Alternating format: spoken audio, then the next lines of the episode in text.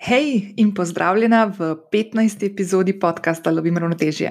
Danes bomo govorili o eni stvari, o kateri dobim kar nekaj vprašanj od ljudi, predvsem na Instagramu. In sicer, Nina, kako lahko na enostaven način spoznavam nove ljudi in um, ne samo prijateljstva, pa mogoče tudi, da, uh, da najdem neke poslovne priložnosti, da mogoče spoznam kakšnega novega naročnika ali pa kupca ali stranko in tako naprej. In danes bomo govorili o smiselnem mreženju, oziroma o tem, kako na enostaven način spoznavaš nove in prave ljudi. Mreženje je ena od ključnih sestavin za zanimivo življenje in grajenje podjetniške poti, oziroma če si še zaposlena, uspešne kariere. Smiselnim mreženjem se osredotočamo na spoznavanje tistih ljudi, ki so za naše delo ali pa naše življenje pravi, v navednicah pravi. In v današnji 15. epizodi podcasta Lovim ravnoteže bomo govorili o tem, kako na enostaven način, um, na način, ki bo tebi naraven, uh, spontan, organski, oziroma, če uporabim zelo, zelo uh, priljubljeno besedo zadnjega časa, avtentičen način, smiselno mrežiš v svojem poslovnem in zasebnem življenju. Aktivno povezovanje ali mreženje je ključnega pomena za poslovno rast, pomembno je tudi za naše družabno življenje. Z mreženjem ustvarjamo dolgoročne odnose in kot takega ga moramo tudi razumeti. Mreženje vključuje srečanje in poznavanje ljudi, ki si lahko vzajemno pomagajo. To je res blazno pomembna točka, do katere bomo v nadaljevanju še prišli. In sicer, da ko govorimo o mreženju, uh, govorimo o tem, da uh, to, kar dobiš, tudi daš, oziroma to, kar daš, tudi dobiš nazaj. Gre za nek odnos, uh, ki je lahko poslovni, poslovne ali pa zasebne narave.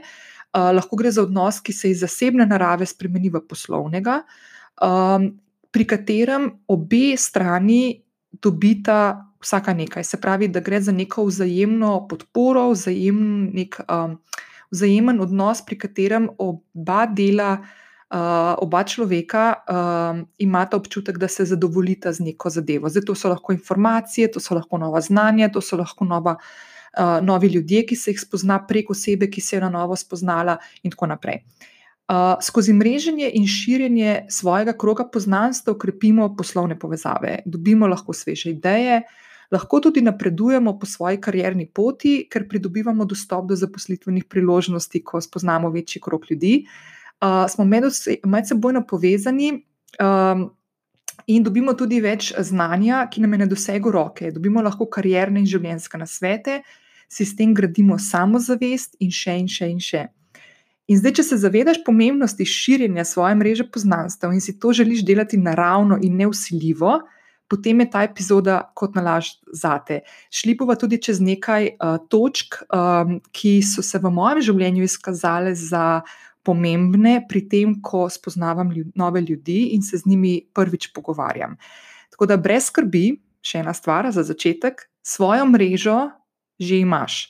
V njej so že tvoji prijatelji, tvoja družina, sodelavci ali pa poslovni partnerji, obstoječe poslovne veze, tudi ljudje, ki so zbrani okoli tebe na družbenih omrežjih, pa člani skupin, ki jim pripadaš. Naprimer, tisti, ki vsak teden hodijo s tabo, naprimer na Pilates ali pa v fitness, ali pa jih srečuješ v fitnessi, fitness centru, kakorkoli. Spravi ljudje, ki se že gibajo okoli tebe in jih morda do sedaj še nisi prepoznala kot neke uh, ljudi, ki so lahko del tvoje kakovostne mreže poznanstv. Zdaj, veliko krat slišimo, uh, da v življenju ni pomembno, kaj veš in znaš, ampak koga poznaš. In jaz se s to izjavo morda deloma strinjam, zato ker se mi zdi, da je zelo, zelo pomembno, kaj v življenju znaš. Uh, in predvsem to, kako s svojim znanjem znaš pomagati in služiti drugim, ki o tem ne vedo veliko, ampak bomo o tem, da drugič govorili. Se je pa pomembno zavedati tudi, da so močni in krepki odnosi tisti, ki močno vplivajo na hitrost in zadovoljstvo našega uspeha. Uh, In ko govorimo o mreženju, in preden skočiva na načine, kako lahko mrežiš in spoznavaš nove ljudi na lahkoten, neusiljiv način, se bomo za trenutek ustavili na eni misli stojka Epiktetusa, zdaj sem razbila njegovo ime, najbrž nisem prav izgovorila, ampak nima veze, ki pravi, da imamo ljudje, ljudje dve ušesi in ena usta, tako da lahko poslušamo dvakrat toliko, kot govorimo.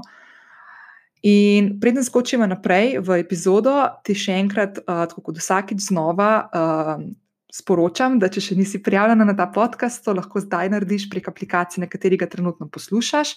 Te bom počakala, uh, stisni subscribe, se prijavi, zato da boš potem tudi ujela vsak podcast, ki v petek prileti v tvojo podcast knjižnico. Vesela vesela sem tudi ocen in mnen, ki mi jih pustiš na podcast aplikaciji, ali pa se mi lahko kadarkoli oglasiš v zasebno sporočilo, predvsem na Instagramu, ki ga najbolj opazujem in gledam. Uh, zdaj, ko s prijavo in oddajo ocene ali mnenja na aplikacije, pri kateri poslušaš podcast, pomagaš meni, da ta podcast slišijo tudi tebi podobne ženske. In tako da pomagaš tudi njim, da, da, da najdejo ta podcast in uh, ga poslušajo tako, kot ga poslušaš ti z veseljem in zadovoljstvom, upam. Uh, in kot vedno te v uh, opisu te epizode čaka tudi povezava do zapisa, ki je pripravljen za to epizodo in v katerega sem ujela vse stvari, ki jih danes omenjam v tej epizodi. Tako da brez skrbi, vse stvari, ki jih bom danes omenila, te čakajo tudi na tisti povezavi. Pa se vrniva nazaj. Pomena dobre socialne in predvsem poslovne mreže sem se jaz najbolj zavedala, ko sem se pred 12 leti preselila v London. O tem sem govorila v drugi epizodi tega podcasta. Če še nisi poslušala, jo pojdi poslušati.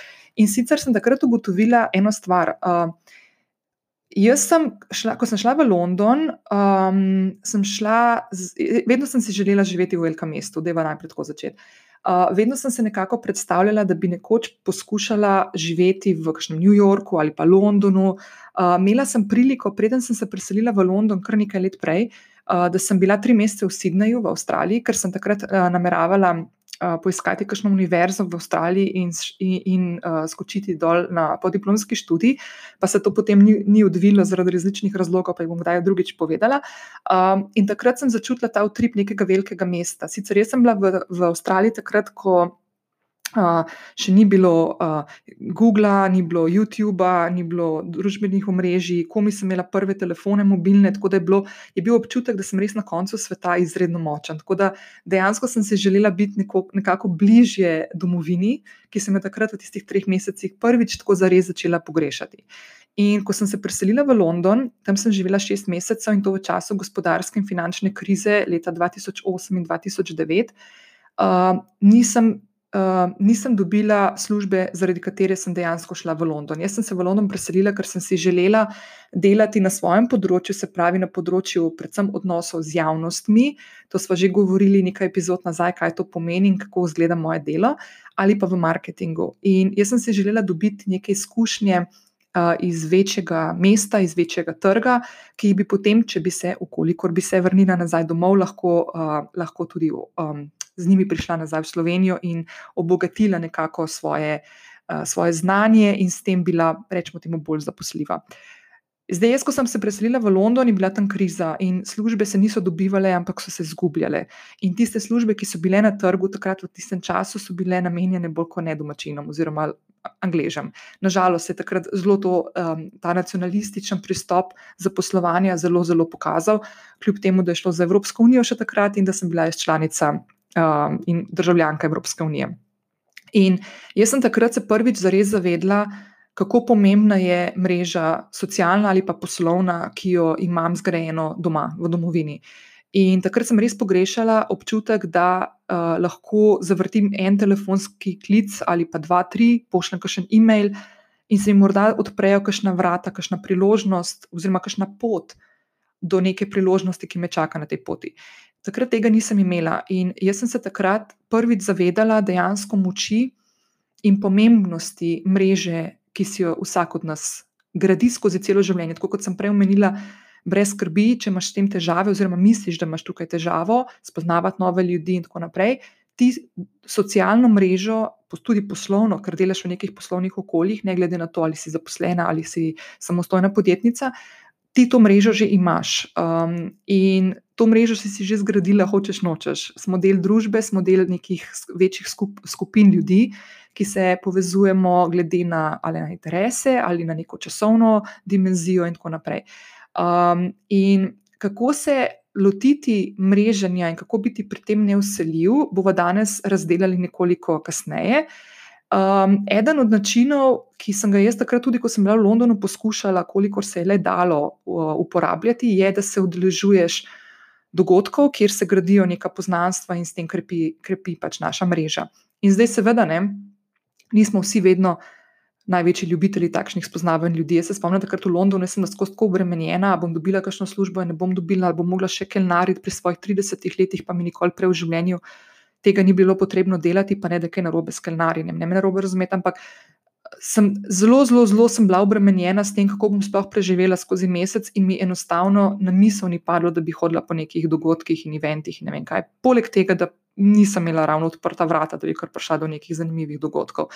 Ampak ne glede na to, tudi ko se zdaj postaviva nazaj v, v, v naše okolje, se pravi v Slovenijo, nismo vse ravno ljubitelice takšnega načina spoznavanja ljudi. In pogosto se nam zdi, da se skozi tak način sklepajo neka ponarejena, prisiljena, hipna poznanstva, ki temeljijo na nekih hitrih izmenjavah informacij, in potem že šibamo naprej do druge osebe, ki se je pokazala na vratih in se nam zdi zanimiva, ali pa mogoče poznamo z Instagrama, ali pa vemo približno, kdo je, pa takoj pomislimo, o, to pa moram poznati, zato ker bom lahko tri pikice. Včasih se nam zdi že sama misel na to, da bomo ure čekali o ničkaj pomembnih rečeh, spravi do tega, da na koncu dejansko ne gremo do doma. In ravno zato bomo danes pogledali v načine, kako lahko reprogramiraš svoje razumevanje mreženja in najdeš način, ki bo tebi najbolj odgovarjal. Tudi konkretno na kakšnih dogodkih, ki se jih sicer ne udeležuješ ravno rada. Ok, še ena stvar. Če te že sama misel o mreženju v mislih stisne in tako, ko pomisliš na neko tesnjen prostor, poln tebi nepoznanih ljudi, ki se neki gnetajo, prerivajo in potem še neki tako agresivno in hitro menjajo sogovornika, kot bi bili na neki olimpijadi hitrega spoznavanja, um, ni nujno, da je tako. In lahko si narediš izkušnje obiskovanja nekih takih ali dogodkov ali srečanj, okroglih mis, karkoli, na način, ki bo tebi um, prijeten. Zdaj, mreženje ni samo dogodek, ne, uh, ki se zgodi na nek četrtkov večer, kamor te poslal šef, ali, ali pa si se z nekimi zadnjimi močmi prisilila sama. Ne. Mreženje je nenehen in organski proces grajenja odnosov z ljudmi, ki so ti dejansko všeč, ker so, ker so zanimivi, ker so polni znanja, ker so polni poznanstva, ker te nasmejajo, ker te vedno z zanimanjem poslušajo in se aktivno vklapljajo v tvoje razmišljanja. Uh, mreženje je celoživljenjska praksa spoznavanja novih prijateljev in grajenja dolgoročnih odnosov, v katere ti sama prispevaš vsaj toliko, kot dobiš nazaj od druge osebe. In zdaj za enostavno, lahkotno ali pa avtentično spoznavanje novih ljudi obstaja tudi kar nekaj lahkotnejših načinov, ki ti lahko pomagajo, da pri spoznavanju novih ljudi ne boš imela občutka, da po domače fejkaš. Eden od načinov je, da se že v svojem bistvu zavedaš tega, da se osredotočiš na dajanje in ne sprejemanje. Zdaj pomisli na to, kako lahko nekomu, ki si ga srečala ali pa s katerim si se začela pogovarjati, lahko pomagaš ali pa mu rešiš kakšno težavo, odgovoriš na kakšno vprašanje. Lahko gre za zelo enostavne stvari, kot je nek nasvet, naprimer, kateri podcast naj posluša ali pa katero knjigo si ti na zadnje prebrala in ti je odgovorila na določena podobna vprašanja. Um, ali pa, naprimer, katero osebo mora spoznati, ki bi mu lahko rešila to težavo, pa jo ti poznaš in lahko tukaj predlagaš, da jo povežeš. Pomembno je, da se v spoznavanju ljudi nenehno zavedaš, da to, kar daješ, lahko nima nič s tem, kar ti delaš, oziroma kakšne so neke tvoje storitveni izdelki. Mreženje ni v prvi vrsti to, da greš ti nekaj prodajati. Uh, to je pogosto zelo, zelo napačna, um, napačno razumevanje tega, kaj pomeni spoznavati nove ljudi. Pri mreženju razmišljaj o človeku, s katerim se pogovarjaš, kakšne so njegove ali njene točke bolečine, razmišljaj o tem, kako lahko pomagaš ali daš neko zanimivo idejo na svet ali predlog. Tukaj gre za dajanje, dajanje in še enkrat dajanje. Zdaj, tako, da se razumeva, to ne pomeni, da, da smo mi zdaj tukaj radodajke in vedno samo dajemo in česar dobimo nazaj, ampak avtomatično s tem, ko odpiraš prostor za to, da si. Uh, uslužna nekomu ali pa da nekomu pomagaš, da nekomu nekaj daš, odpiraš vrata tudi zato, da potem prejemaš enako, enako nazaj. Tudi tukaj gre za, temu lahko rečemo, za nek zakon privlačnosti, karkoli, ampak dejansko te stvari funkcionirajo. Če boš fokusirana samo na to, da boš iskala neke trenutke, ko boš nekaj dobila, se, bo, se bojo te stvari zelo, zelo, zelo hitro začele minimalizirati in boš imela teh možnosti in priložnosti, ko boš nekaj dobila, vedno manj. Uh, enostavno moraš za to, da nekaj dobiš, tudi prej nekaj dati. Druga stvar, ki je tudi precej pomembna, oziroma zelo pomembna, po mojem, ena najbolj pomembnejših stvari. In uh, sem se tudi jaz dolg časa učila, zato ker sem oseba, ki zelo rada multitaska, je, da si prisotna v pogovoru. To pomeni, da ko se pogovarjaš z eno osebo, naprimer na nekem dogodku, kjer je okoli vaju veliko ljudi, bodi prisotna v tem pogovoru, dokler ta pogovor traja. To pomeni, da uh, se gledaš v oči, da ne gledaš z očmi okoli po prostoru, kdaj boš opazila še koga, ki ga poznaš ali želiš spoznati, ker s tem daješ občutek uh, nespoštovanja oziroma občutek osebi, s katero se pogovarjaš, da ti ta pogovor odveč in da iščeš nekaj boljšega. Pomisli na to, kako bi se ti počutila, če bi se vneto pogovarjala z neko osebo, ki je tebi blazno zanimiva in bi imela občutek, še, da je moč navdušiti, ta pa bi z očmi skozi bila nekje druge in gledala in mislila, what's next. Verjetno se ne bi dobro počutila. Ne? Tako da tukaj je treba res imeti občutek in um, vedno v mislih to, da ko se pogovarjaš z neko osebo, da si res prisotna v tem pogovoru in da mu slediš in da se lahko odzivaš na to. Zdaj, seveda se znajdemo pogosto tudi v pogovorih, ko zelo hitro ugotovimo, da so pogovori, ki ne grejo nikamor in od katerega ne bomo imeli neke blazne uh, bla, blaznega bogatstva. Ne? Tako da lahko take stvari tudi počasi potem zaključiš. Koliko, spet, še enkrat, niso stvari narejene, oziroma spoznavanje ljudi, ni, ni, ni smisel spoznavanja ljudi v tem, da vedno nekaj dobiš. Gre tudi za to, da se včasih na dolgi rok lahko pokaže, da oseba, ki na začetku morda ni dala nekega občutka, da ti bo lahko v življenju s kakšno zadevo pomagala, naprimer s kakšno informacijo na svetu ali te bo pa predstavila kakšni osebi, lahko tega ne začutiš v prvem, v prvem uh, pogovoru, klepetu, ki ga imaš s to osebo. Tako da nikoli ne veš in se malo prepusti, in to je dejansko investicija v nek dolgoročnejši odnos, in mreženje je gr gr gradnja dolgoročnih odnosov. Naslednja stvar je, to, kar sem omenila na začetku te epizode, je, da poslušaš več, kot govoriš. Se pravi, da imamo z razlogom dve ušesi in ena usta, zato da več poslušamo, dvakrat več poslušamo, kot govorimo. In zdaj Verjemi, da če se želiš pogovarjati z ljudmi, ki bodo navdušeni nad teboj in te bodo hoteli poslušati, je pomembno, da razumeš tudi to stran dialoga in si pridružiš. Seveda, ne, ne, jaz ne govorim o tem, da moraš biti zelo tiho, daleč od tega, ampak dovolj ljudem, da pridajo, da pridajo do besede. Veliko več težav imamo s tem, da um, smo tiho, kot da, kot da govorimo. Večina nas, ne vsi, ampak večina od nas. In pomembno je, da se zavedamo, da dialog je uravnoteženo poslušanje in govorjenje. In ko daješ občutek osebi, s katero se pogovarjaš, sploh če gre za neko osebo, ki jo na novo srečaš, in še posebej, ko gre za neko osebo, ki prihaja iz nekega poslovnega okolja, ki je zate pomembno, je pomembno, da daješ tej osebi možnost, da govori. In da um, druga stvar, ki je blazno pomembna, in sem se jaz v, v zadnjem obdobju začela učiti, je, da je včasih zelo, zelo pametno in pomembno in vredno zlata, da pustiš tudi tišino v dialogu. Kar pomeni, da uh, človek, ki neha govoriti ali pa se zaplete ali pa razmišlja vmes, da ne skočiš notri z neko rešitvijo ali pa odgovorom, zato ker veš, ker, ker točno veš, ti pa veš imeti knjige, pa moraš takoj povedati. Pusti človeku, da pomisli in šele ko vidiš, da se res muči, takrat lahko to skočiš. A si morda mislil na to knjigo? Uh, pusti to tišino, ker tišina ima, do, ima veliko krat, uh, veli, skriva v sebi veliko več moči kot naprimer samo govorjenje. Še ena stvar, ki je pomembna, je, da pri tem, ko mrežiš, ne pretiravaš in se ne počutiš krive. To pomeni, da ko se enkrat začneš vrteti v različnih krogih in začneš spoznavati ogromno ljudi, um, čisto z vsakim ti ni treba ostati v stiku, se dobivati na kavi in klepetati v nekem reševanju sveta.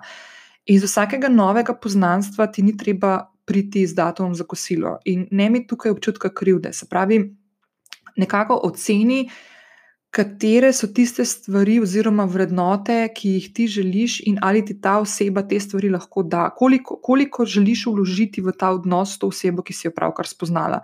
In ukolikor je tukaj odgovor nič ali pa zelo malo, ne se pri tem počutiti krivo. Ker če bi se vsi dobivali z vsemi, ki, se, ki, ki jih srečamo, ne bi imeli časa za spanje, ne bi imeli časa za življenje, ne bi imeli časa za delo.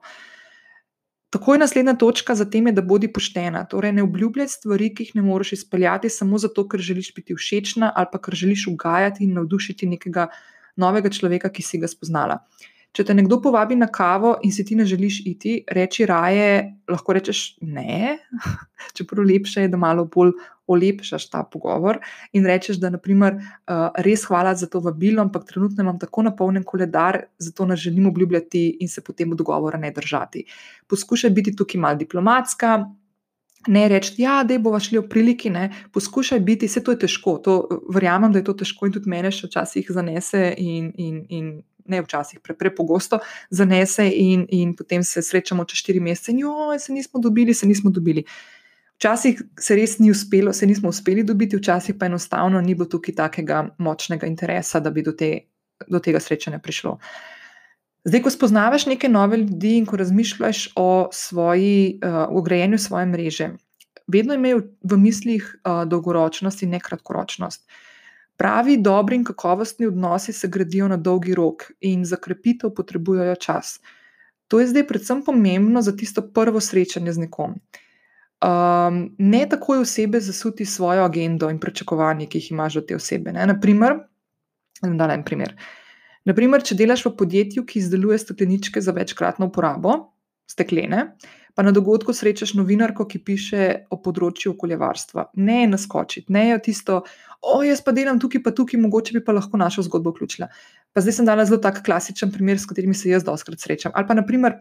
Um, Naprimer, si od, ravno kar odprla trgovino z organsko mačjo hrano, to sem se zdaj kar malo zmislila, ampak ok. Uh, ne hiti z nekimi spraševanji, če ima ta oseba mačko ali pa pozna koga, ki ima mačko, ker si ti ravno odprla trgovino z organsko mačjo hrano. Pusti čas v čas. Uh, naj se odgovor oziroma ta pogovor med vama uh, pelje organsko in sigurno bo prišlo uh, do trenutka, ko boš lahko omenila tudi ta podatek. Tako da chill and relax, se reče temu. Ne? Tako da dihaj, zadihaj in uh, pomisli na to, da vsaka stvar pride v pravem trenutku. In ko spoznaš nekoga, in ko naprimer, se na nekem dogodku pogovarjaš z osebo in rečeš, hej, ti bom poslala mail, pej tu akcijo, uh, pošli. To pošto, ne med pogovorom, ker smo prej ravno govorili o tem, da si prisotna v pogovoru, ampak takoj, ko zaključiš pogovor, ne vem, boš šla na VC, na poti v VC, pošli e-mail. Dve stvari boš tukaj naredila. Najprej boš takoj pokazala, da si za akcijo, in druga stvar, uh, boš um, ne kupičila stvari, ki jih moš narediti naslednji dan, pa ko prideš domov. Uh, Tako da tukaj res pokažeš neki interes in daš neko dodaten vložek v odnos, ki si ga pravkar začela graditi. In je to zelo, zelo, seveda, zdaj ne maila pisati, ne vem, romana, ne, ampak tako, hej, res sem full vesela, da smo se spoznali, uh, krasno mi je bilo, lep pogovor, full hvala, uh, krasen dan ti želim, tukaj so moji kontakti, se, se veselim naslednjega srečanja. Nekaj v tem smislu, čist na easy. Uh, pošli čim prej in pokaži s tem, da, da si za akcijo. In zadnja točka, um, ki se mi zdi res tako ful pomembna, sploh ko govorimo o nekih teh dogodkih in o nekih teh druženjih zunaj, da hodi na tiste stvari, ki te veselijo in jih želiš obiskati. Zdaj te zabave, okrogle mize, zmenki za kosilo ali pa ob kavi, da je reči ja samo tistim stvarem, ki si jih resnično želiš narediti ali pa obiskati. In če imaš pri tem težave, lahko skočiš na deveto epizodo, kjer se skupaj učiva, kako izgovoriš najpomembnejšo besedo v našem jeziku, in to je beseda ne. Tako da pri mreženju imej vedno v mislih, da si tam, ker želiš graditi nova prijateljstva. In iz teh prijateljstev se lahko razvije tudi potencijalno neko poslovno sodelovanje, ki je lahko v obliki tega, da najdeš nekega potencijalnega novega delodajalca ali pa neko poslovno priložnost, ali pa naprimer novega naročnika, stranko, ker si samostojna podjetnica ne glede na to, razmišljaj o tem, da lahko več, da daješ, daješ, daješ, da si prisotna, da si uh, poštena, da nimaš krivde, če se z osebo, s katero se pogovarjaš, ne boš več nikoli slišala. Tako da razmišljaj o tem, kaj lahko ti daš v ta odnos, preden začneš razmišljati, kaj lahko iz tega odnosa dobiš. In to ne pomeni, da nikoli ne poveš, kaj delaš, s čim se ukvarjaš, da si odprla trgovino z organsko mačjo hrano in tako naprej. Ampak ne, ne, to ne bo edini in prvi cilj, ki si ga želiš izgovoriti in povedati, ko se z nekom prvič srečaš v življenju. Prvi cilj vsakega mreženja in vsakega obiska dogodka ali pa uh, okrogle mize ali pa kavice in tako naprej je, da sklepaš nova poznanstva, povezave in nova prijateljstva, iz katerih se lahko razvijajo zelo, zelo zanimive zgodbe. Ok, in zdaj čisto na koncu ti bom povedala še eno stvar, ki jo imam jaz vsakeč v mislih, ko se z nekom pogovarjam. In tisti ljudje, ki me ne poznajo, uh, bodo rekli, da to dejansko drži. Jaz, odkar sem bila mehna, imam to nekako tako res v svojem DNK zapisu. Uh, vedno, ko nekoga na novo spoznam, razmišljam, s kom moram to osebo spoznati. Um, in to deluje tako res zelo, zelo, zelo um, neusiljivo in organsko pri meni, zato, ker, je, ker je organsko, potem deluje tudi neusiljivo. Ampak sem se mogla s časom naučiti, da vsake osebe na novo, ki jo srečam, ne smem takoj zasuditi, oh, veš, koga moram spoznati, veš, s kom te moram predstaviti. Vedno, vedno je treba temu malo pustiti temu čas. In jaz se teh stvari, ki smo jih danes uh, govorili, uh, se jih tudi sama učim, vedno znova, vedno znova, vedno znova. Tako kot, naprimer, se uh, učim, da uh, ko predstavljam ljudi med sabo, sploh ko gre za neka ta povezovanja. Ali pa ko se naprimer, na nekem dogodku z nekom pogovarjam in pride mimo nekdo, ki ga poznam in jih predstavim. Poskušam vedno najti neko zanimivo točko, ki ni nujno povezana, ali pa poskušam jo ne povezati z delom, ki ga ta človek upravlja. Se pravi, začela sem se izogibati stvarem, ki sem jih delala še nedolgo nazaj, da sem naprimer rekla, zdaj bom dala konkreten primer. Stela je pa moja prijateljica, ki je solastnica podjetja, ki dela Eko in, in Goat Story. Uh, in potem Maša, pa moja prijateljica, ki je uh, grafik dizajnerka in je full dobra v uh, postavljanju strategij za blagovne znamke. Naprimer.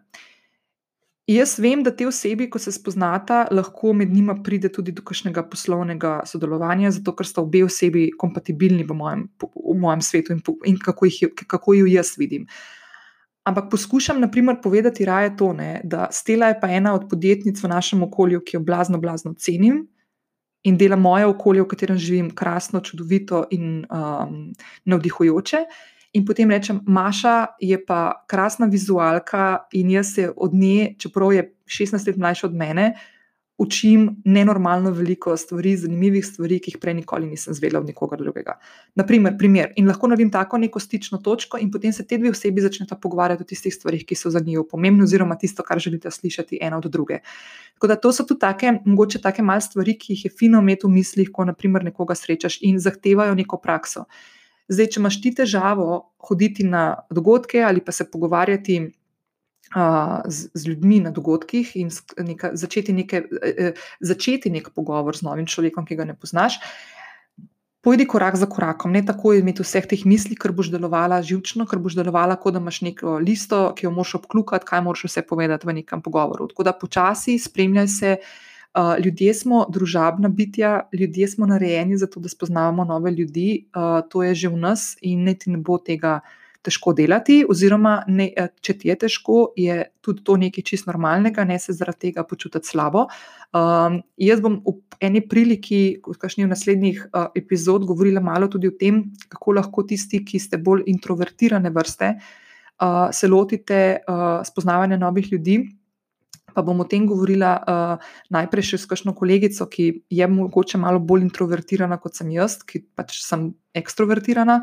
Uh, tako da bom malce posvetovala tudi prej in bom naredila potem tudi kakšno epizodo na to temo, za vse tiste, ki morda imate s tem mečkan več uh, izziva. Tako, ok, so prišli do konca današnje 15. epizode. Um, Prebrala ti bom zdaj eno stvar, ki sem jo dobila ta teden v iTunes in sicer um, malo po angliško bom prebrala, kot piše, uh, eno mnenje od Rinka s tremi kaji. Uh, This speaks to my soul, neverjetno, inspiracijsko in naravnost čudovito, moj number one podcast in veselim se vsake nove epizode.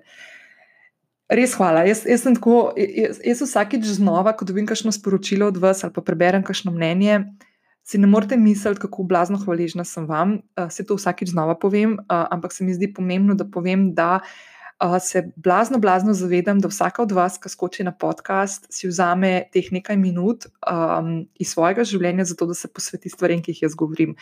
In vem, da to uh, jaz cenim vaš čas, kot cenim svojega, ali pa še mogoče malo bolj vašega. In mi je blazno, blazno pomembno, da uh, poskušam biti v svojih epizodah in v svojih razmišljanjih takšna, da vam dam tudi kakšno tako stvar, ki vas bo ki vam bo pomagala, ki vas bo mogoče navdihnila, bo sprožila kakšno iskrico za razmišljanje o drugih stvarih v življenju, ki se vam dogajajo, ki morda niso čisto povezane s tem, kar jaz govorim, ali pa z, nekim, z nekimi okoliščinami, v katerimi jaz uh, delujem in živim. Tako da poskušam neke te stične točke najti. Uh, tako da vedno, vedno sem full vesela, če mi pišete tu kakšne predloge, ideje teme. Uh, mislim, da ta tema danes je bila ena od teh, ki se pogosto pojavlja v mojem uh, nabiralniku na Instagramu, tako da smo jo zdaj pokljukali. Tako da z veseljem, z veseljem vedno slišim predloge in vsaki, ki se javi, predvsem na Instagram uh, ali pa na e-mail, se vedno tudi oglasim. Tako da, če mi boš kaj pisala, boš dobila odgovor nazaj. Zdaj, preden zaključim, bom povedala še eno stvar. In sicer, jaz sem pred dvema dnevoma, 26. februarja praznovala deveto obletnico uh, samostojne podjetniške poti in sem nameravala ta podcast dejansko uh, objaviti v sredo, ampak me je tako blazno zarotiral ta teden, da nisem uspela in sem rekla: ne, dajmo se držati termina, dajmo se držati tega petka, da imamo v petkih epizode. In to epizodo snimam na četrtek, se pravi en dan prej. Ponavadi snimam epizode vedno, kakšen teden vnaprej, zdaj me je odneslo in sem jo mogla res na hitro prepraviti, tako da sem šla na temo, ki sem jo imela že v mislih in sem imela že nekaj stvari spisane okoli nje. Tako da tako se dogajajo včasih stvari, včasih ne, nepredvidljive, včasih se nam kakšen plan podre, včasih se nam zgodijo kakšna praznovanja vmes, ki smo mogoče že kar mal pozabili, da se bodo zgodila uh, in da jih je prav, da se jih nazdravi. Tako da vsem, ki ste mi poslali ta teden uh, sporočilo in mi čestitele, full hvala. Še ena stvar na mojem Instagramu uh, je, mislim, da dve, dve, ja, dve objavi nazaj, ta zadnja fotka, ki je objavljena, poleg tega citata uh, o tem, da imamo dve ušesi in ena usta, da več poslušamo, kot govorimo. Je objavljena fotografija, pod katero poteka ena nagradna igra v povezavi s številko 9. In jaz sem se odločila, uh, in zdaj bom tukaj malo mreženje naredila. Jaz sem se odločila, da bom eni od vas, ki bo v komentar pod to fotografijo v tej objavi napisala neko povezavo, ki jo ima s številko 9. Lahko ste full kreativni, lahko je tudi, da pač nimate nobene povezave, pa mi kakšno zgodbico zanimivo poveste spodaj. Uh, bom poslala domov uh, paketek mače. Uh, če me spremljaš nekaj časa, potem veš, da sem jaz uh, mača oboževalka. In uh, mača, če slučajno ne veš, je zeleni čaj v takem prahu, zelo, zelo intenzivnega vonja in okusa, uh, in je super alter, alternativa za vse, ki se želite. Uh, Uh, vem, piti manj kave, ali pa da ne pijete kave, ker vam ne odgovarja, je mača odlična za uh, spodbujanje energije in je v primerjavi s kavo bistveno nežnejša, v tem smislu, da uh, um, ko spiješ kavo, te zna hitro uf, uh, energijo uh, dodati v telo in potem te zelo hitro zna spustiti. In kava, ko jo spiješ, ti zelo nabija na srčni utrip, medtem ko mača, zeleni čaj, uh, ti počasi spušča uh, to energijo in nimaš teh usponov in pacov. In uh, če skočiš na moj, na, na, uh, na, v tej epizodi, če skočiš spodaj na povezavo, na zapis te epizode, ti bom tam pustila tudi dva recepta za mačo. Eno je bulletproof mača latte, se pravi, ki ga narediš z, z mlekom, in drugi je mača espresso. In zdaj tako, ta mača, ki jo jaz podarjam, je najboljša mača, ki sem jo pila do tega trenutka. In to mačo, ki je pod blagovno znamko Preprosto mača, uh, ena gospa Sabina, uh, uvaža direktno z Japonske. In je krasna, krasna, krasna, krasna stvar. Najbolj intenzivna zelena barva na tem svetu, kar sem jih videla v mači, in zelo, zelo dobrega okusa. Tako da, če slučajno mačo že poznaš ali pa bi jo rada probala, skoči na mojo objavo, te bom še počakala, rečemo, da do nedelje, 1. marca, in potem bom žrebala nekoga, uh, ki bo dobil, uh, oziroma bo dobila to 30-gramski 30 paketek, preprosto mača. Mače. Tako da skoči tja. Še vedno lahko, seveda, deliš svoje mnenje in pošljaš kakšno sporočilo, se prijaviš na podcast, če še, še nisi, tako da lahko te stvari še narediš. In na koncu ti želim še eno stvar. En krasen petek, skoči fino v marec, še mislim, da 21 dni nas loči do pomladi in uh, lepo se imej. Čau, čau!